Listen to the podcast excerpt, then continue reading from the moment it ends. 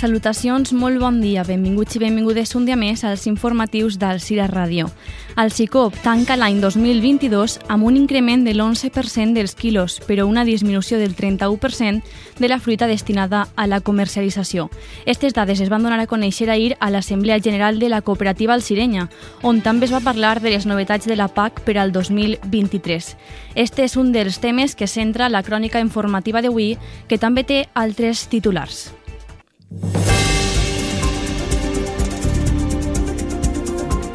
L'Hospital de la Ribera, primer centre públic de la Comunitat Valenciana a incorporar la fibra làser per a intervindre fístules perinals. El PP al Sireny compareix en roda de premsa a hores d'ara per debatre la situació de l'Hospital de la Ribera. El regidor Fernando Pascual celebra la reconversió del sistema d'aigua potable dut al Sira en els últims anys. La carrera de la dona se celebrarà el pròxim diumenge 5 de març i destinarà enguany la recaptació dels dorsals a l'associació Adifir. Esta setmana arranquen les primeres activitats en commemoració del Dia de la Dona a la nostra ciutat. S'esgoten en qüestió de segons les places per sol·licitar cita prèvia de matrícula a l'examen oficial de valencià de Leo i Alcira. I esta vesprada el Gran Teatre acull la segona edició dels Premis de la Ribera del periòdico de aquí i la biblioteca la segona sessió de contacontes per adults Alcira Illa de Contes.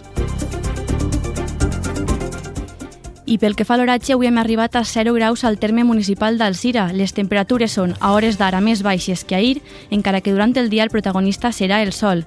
Demà les temperatures es mantindran sense massa canvis. És la 1 i 33, comencem.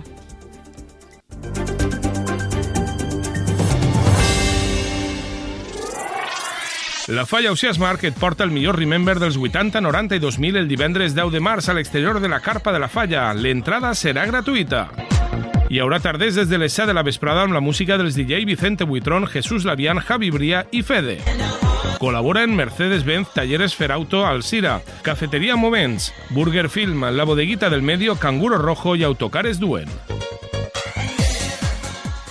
Coneixes les bonificacions fiscals de l'Ajuntament d'Alcira? Si tens els rebuts domiciliats, eres família nombrosa o amb diversitat funcional, o si tens plaques solars a casa, o el teu vehicle és híbrid o elèctric, ara pots beneficiar-te d'un descompte en el pagament dels teus tributs. Informa't a la clau recaptació arroba alcira.es o a la web municipal.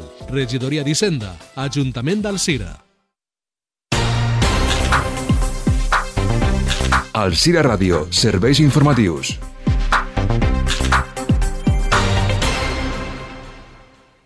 La cooperativa El Sicop ha tancat l'any amb un increment de l'11% del volum total de quilos, tot i que els quilos de fruita destinada a la comercialització han disminuït en un 31%. Estes són dades presentades ahir a l'Assemblea General del CICOP, que va reunir al voltant de 150 persones per donar compte del resum econòmic i social del 2022. La cooperativa alcirenya fa un balanç positiu de la campanya en relació als preus, però un balanç negatiu en relació als quilos, ja que la fruita no comercial s'ha incrementat en un 300%. Des del CICOP assenyalen la necessitat de revertir este desequilibri que ha provocat que la xifra final de la cooperativa caiga en un 12%. No obstant això, el conjunt del CICOP i Materna presenta un resultat consolidat positiu de 38.600 euros. Escoltem Antonio Soler, director del CICOP. Y la idea sería que fuera mayor la fruta comercial que la no comercial. Y ese desequilibrio provoca que la cifra de negoci final de la cooperativa siga menor en un 12%. La secció de suministres lo que són ventes ha augmentat un 2,22%. L'increment de ventes en subministres ha sigut de 80.000 euros. Materna, que és eh, l'altra empresa de la cooperativa, la gasolinera, ha presentat un compte de resultats de l'exercici d'un resultat final de 97.000 euros en positiu. I després el conjunt de Alcicop i Materna presenta un resultat consolidat de més 38.600 euros. A l'Assemblea es passaren les liquidacions reals d'esta campanya en varietats com la Satsuma, la Clemenvilla o la Clementina, amb un resultat positiu per als socis. El president Francisco Clari va animar els socis a fer qualitat i a no abandonar els camps. També hi va haver espai per conversar sobre les novetats de la PAC, el quadern digital i el sistema informàtic d'explotació, que introdueixen canvis importants per a l'agricultor valencià. Antonio Soler de nou. La nostra agricultura és una agricultura molt peculiar. Els que desenvolupen la PAC no estan pensant en nosaltres, estan pensant en l'agricultura extensiva, l'agricultura gran. Però nosaltres ahir explicarem quines són les novetats de la PAC, quaderno de camp electrònic, CIEX, el sistema informàtic d'explotacions, el Real Decreto de Nutrició Sostenible, que vol dir que té que haver un control total sobre l'aplicació de fertilitzants, i explicarem també el que és el Real Decreto de l'ús sostenible de fitosànics. Parlant en una mitja d'edat entre 60 i 70 anys, és complex. Entonces anem a intentar per part de la cooperativa ajudar en tot el que se puga.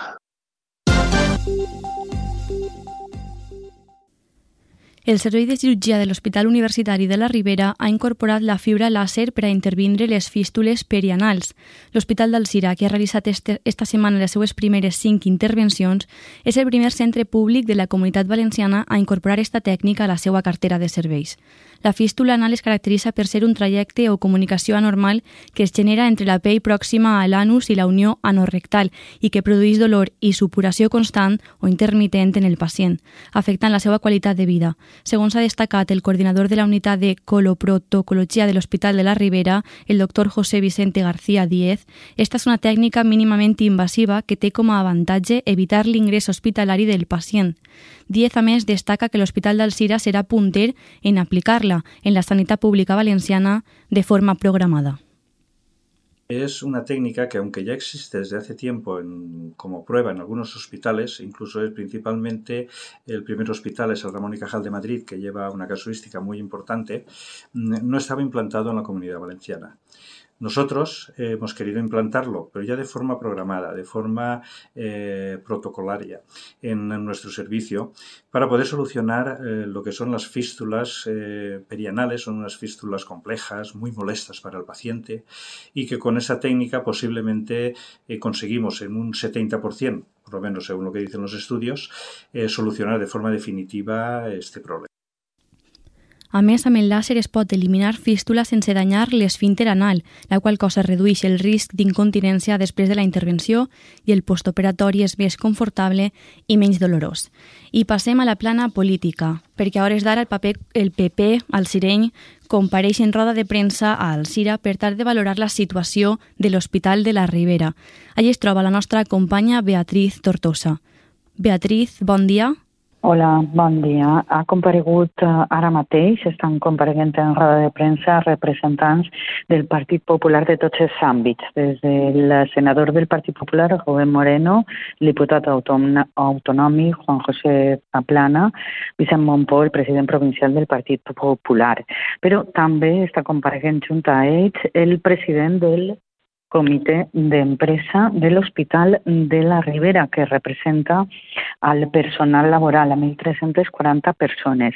I és que finalment el Comitè d'Empresa, després d'un mes esperant una resposta per part de la Conselleria per a negociar el conveni, anirà a la vaga. La convocatòria es farà demà i en esta roda de premsa el president del Comitè d'Empresa, Enrique Martínez, ha denunciat l'actitud poc negociadora negociadora de la Conselleria de Sanitat.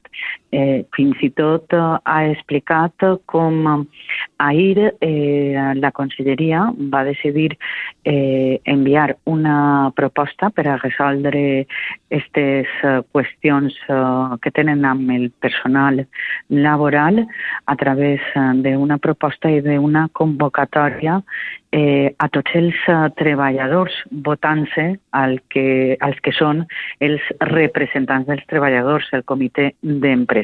Finalment, aquesta proposta de reunió va ser uh, retirada i, uh, de moment, així estan les coses.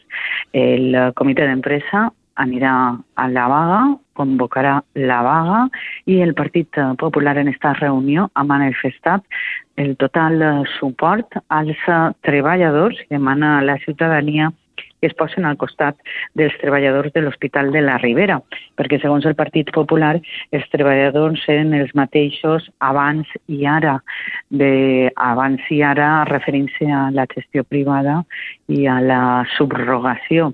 El que falla és els dirigents polítics de la Conselleria. Eh, moltes, moltes gràcies, gràcies, Beatriz. Moltes Adeu. gràcies. Adeu. El regidor Fernando Pasqual ha tret pit per la reconversió del sistema d'aigua potable dut al Cira en els últims anys. Segons explica un article d'opinió, Durant els últims anys s'ha lluitat perquè l'aigua de l'aixeta Alzira fora potable i apta per al consum lliure de nitrats.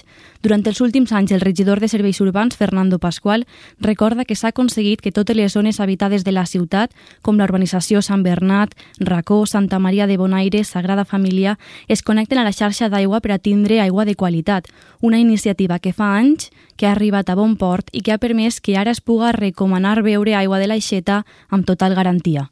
Fernando Pascual. Pots tindre més de 800 euros d'ahorro anuals. I una cosa important, no gastem el plàstic perquè el plàstic contamina. Per tant, eh, me sent orgullós, satisfet d'haver contribuït en la gestió de l'AUIA a millorar molt la qualitat de vida dels alcirenys. I passem a parlar dels actes programats pel Dia de la Dona. La carrera de la dona tindrà lloc el pròxim diumenge 5 de març i enguany destinarà els diners dels seus dorsals a l'Associació de Fibromialgia Adafir. El col·lectiu 8M ha declinat la invitació de la regidoria d'Esports a participar, perquè enguany la carrera s'ha organitzat de forma mixta i per tant permet la participació dels homes des d'aquest col·lectiu que agrupa vuit associacions d'Alcira i la Ribera, entre elles el grup de debat per la igualtat d'Alcira, consideren que amb la incorporació dels homes es perd el caràcter reivindicatiu de la data commemorativa del 8 de març. El col·lectiu 8M comparteix la idea que l'essència d'esta carrera simbòlica hauria de ser visibilitzar les dones amb les seues aportacions i exigències de canvi social. Des de la regidoria d'Esports s'ha reprès esta iniciativa abandonada el 2008, últim any en què va tindre lloc esta carrera. Ara, 14 anys després, es reprèn esta prova inclosa dins del calendari per al foment d'activitats esportives de la dona. Com que el seu sentit és solidari, s'ha obert la participació també als homes. La carrera organitzada per l'àrea d'esports no ha comptat amb l'assessorament d'Igualtat. La gent d'Igualtat al CIRA, Raquel José, entén que no està plantejada perquè s'ha de distingir entre una prova solidària i una marxa reivindicativa. Raquel José no està encarant-se bé Eh, la, la qüestió, eh, les carreres són solidàries i no han d'estar lligades ni al 8 de març ni, ni, ni, bueno, ni a una, eh, una data com esta, que és reivindicativa, perquè és una, una activitat solidària i no, té, no tindria cabuda dins de lo que són les activitats eh, reivindicatives al voltant del, del 8 de març ni, ni al llarg de l'any lligada a, a les reivindicacions de les dones. Les dones poden competir en qualsevol eh, carrera si volen Seguim amb les activitats commemoratives del mes de març al voltant del Dia de la Dona. Esta setmana ja comptem amb les primeres activitats. L'Ajuntament d'Alcira organitza demà la presentació del llibre La violència política contra les dones, 1936-1953, un llibre que presentaran els seus autors Antoni Simó, Rosaleny i Ricard Camil Torres Fabra a la sala d'estudi de la Biblioteca Municipal a les 6 i mitja de la vesprada. L'acte compta amb l'adhesió de la Coordinadora d'Associacions per la Memòria Democràtica del País Valencià. I divendres el col·lectiu 8M ha organitzat una xerrada al voltant de la Llei de Garantia Integral de la Llibertat Sexual, coneguda com la Llei del Només Sí és Sí, a càrrec de l'advocada Anna Olivar, Oliver Borras. Serà a les 6 de la vesprada al Centre de Persones Adultes Enric Valor. També el 8 de març el col·lectiu 8M ha convocat la manifestació a les 6 i mitja, una manifestació que eixirà des de la plaça Major. Passem a parlar ara dels exàmens de certificació de l'Escola Oficial d'Idiomes. L'Escola Oficial d'Idiomes d'Alcira ha obert avui el procés d'inscripció a les proves de certificació en valencià per a l'alumnat lliure. Les places de sol·licitud de matrícula s'han esgotat en qüestió de segons. Enguany s'ha tornat a optar per deixar els idiomes més sol·licitats en dates separades per tal d'assumir la demanda d'una manera més ordenada.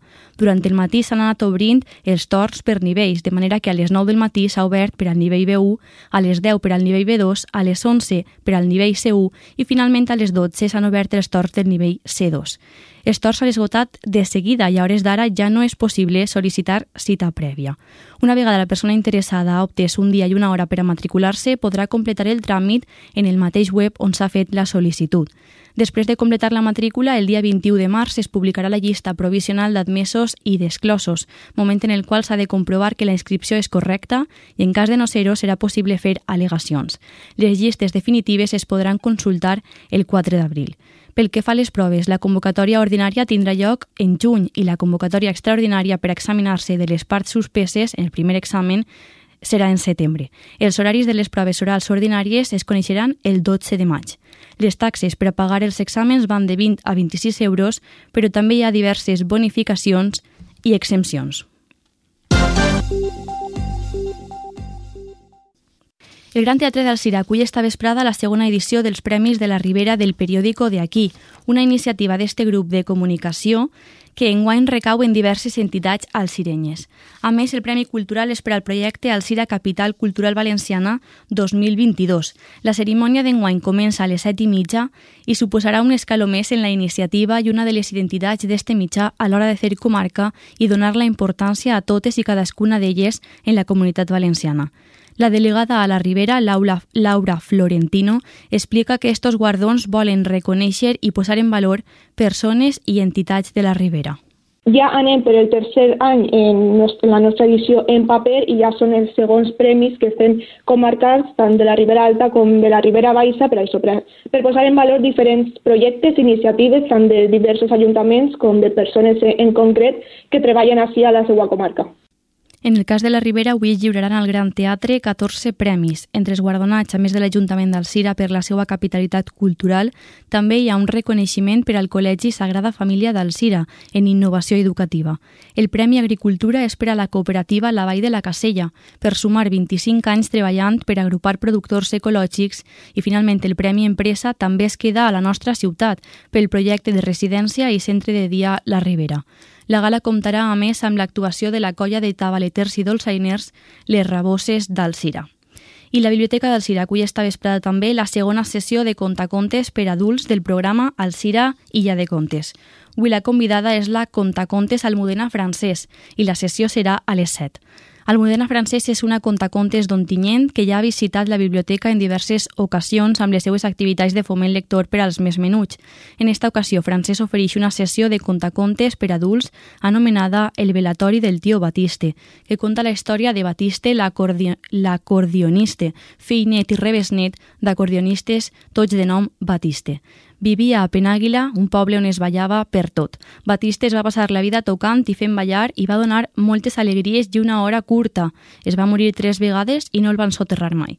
Com cada dimecres 1 de març, la Biblioteca Municipal ofereix aquesta activitat alternativa perquè les persones adultes s'acosten també a la biblioteca. Assum Pere Pérez. Una oportunitat per a, per a eixir també de les activitats habituals de les persones adultes que sempre pues, mos limitem per el temps i per moltes coses, no? Ens, ens limitem en les activitats, pues bueno, és una sessió, vindrà a durar una horeta, una horeta i algo, a les de la vesprada, a la biblioteca, i, i bé, serà una reforma de, de conèixer la literatura, de conèixer la història i de conèixer també el, el nostre país, perquè ells contaran històries probablement del nostre voltant. L'oratge. Avui el dia s'ha alçat amb gelades en diversos punts del territori. Així el Cira s'ha arribat als 0 graus al terme municipal. Pel que fa a les temperatures al llarg de la jornada, en estos moments s'espera que els valors màxims siguin lleugerament més baixos que ahir, arribant a l'interior fins als 6 i 11 graus i al litoral entre els 11 i els 13. Durant el dia el protagonista serà el sol, encara que de cara a la vesprada ens arribarà una bossa d'aire fred per l'oest que generarà alguns ruixats dispersos, més probables en punts d'Alacant. El vent bufarà puntualment moderat de cara a la vesprada, sent de ponent a l'interior i girant a llevant en punts del litoral. Demà seguirem amb temperatures que no patiran massa canvis, amb gelades a primeres hores a l'interior i valors màxims, en torn als 7 i 11 graus a l'interior i en torn als 12-14 graus al litoral. Durant la matinada i primeres hores del dia, amb encara presència d'aire fred sobre la meitat sud, no descartem alguns ruixats dispersos en zones més prop del litoral del sud del golf de València.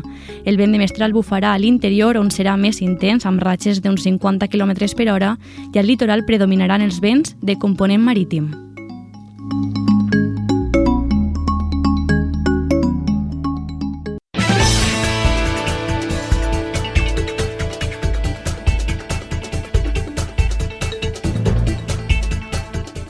I fins així tot el que volíem contar-los avui. Tornem en pròximes edicions eh, informatives. Que passen molt bona vesprada. Adeu.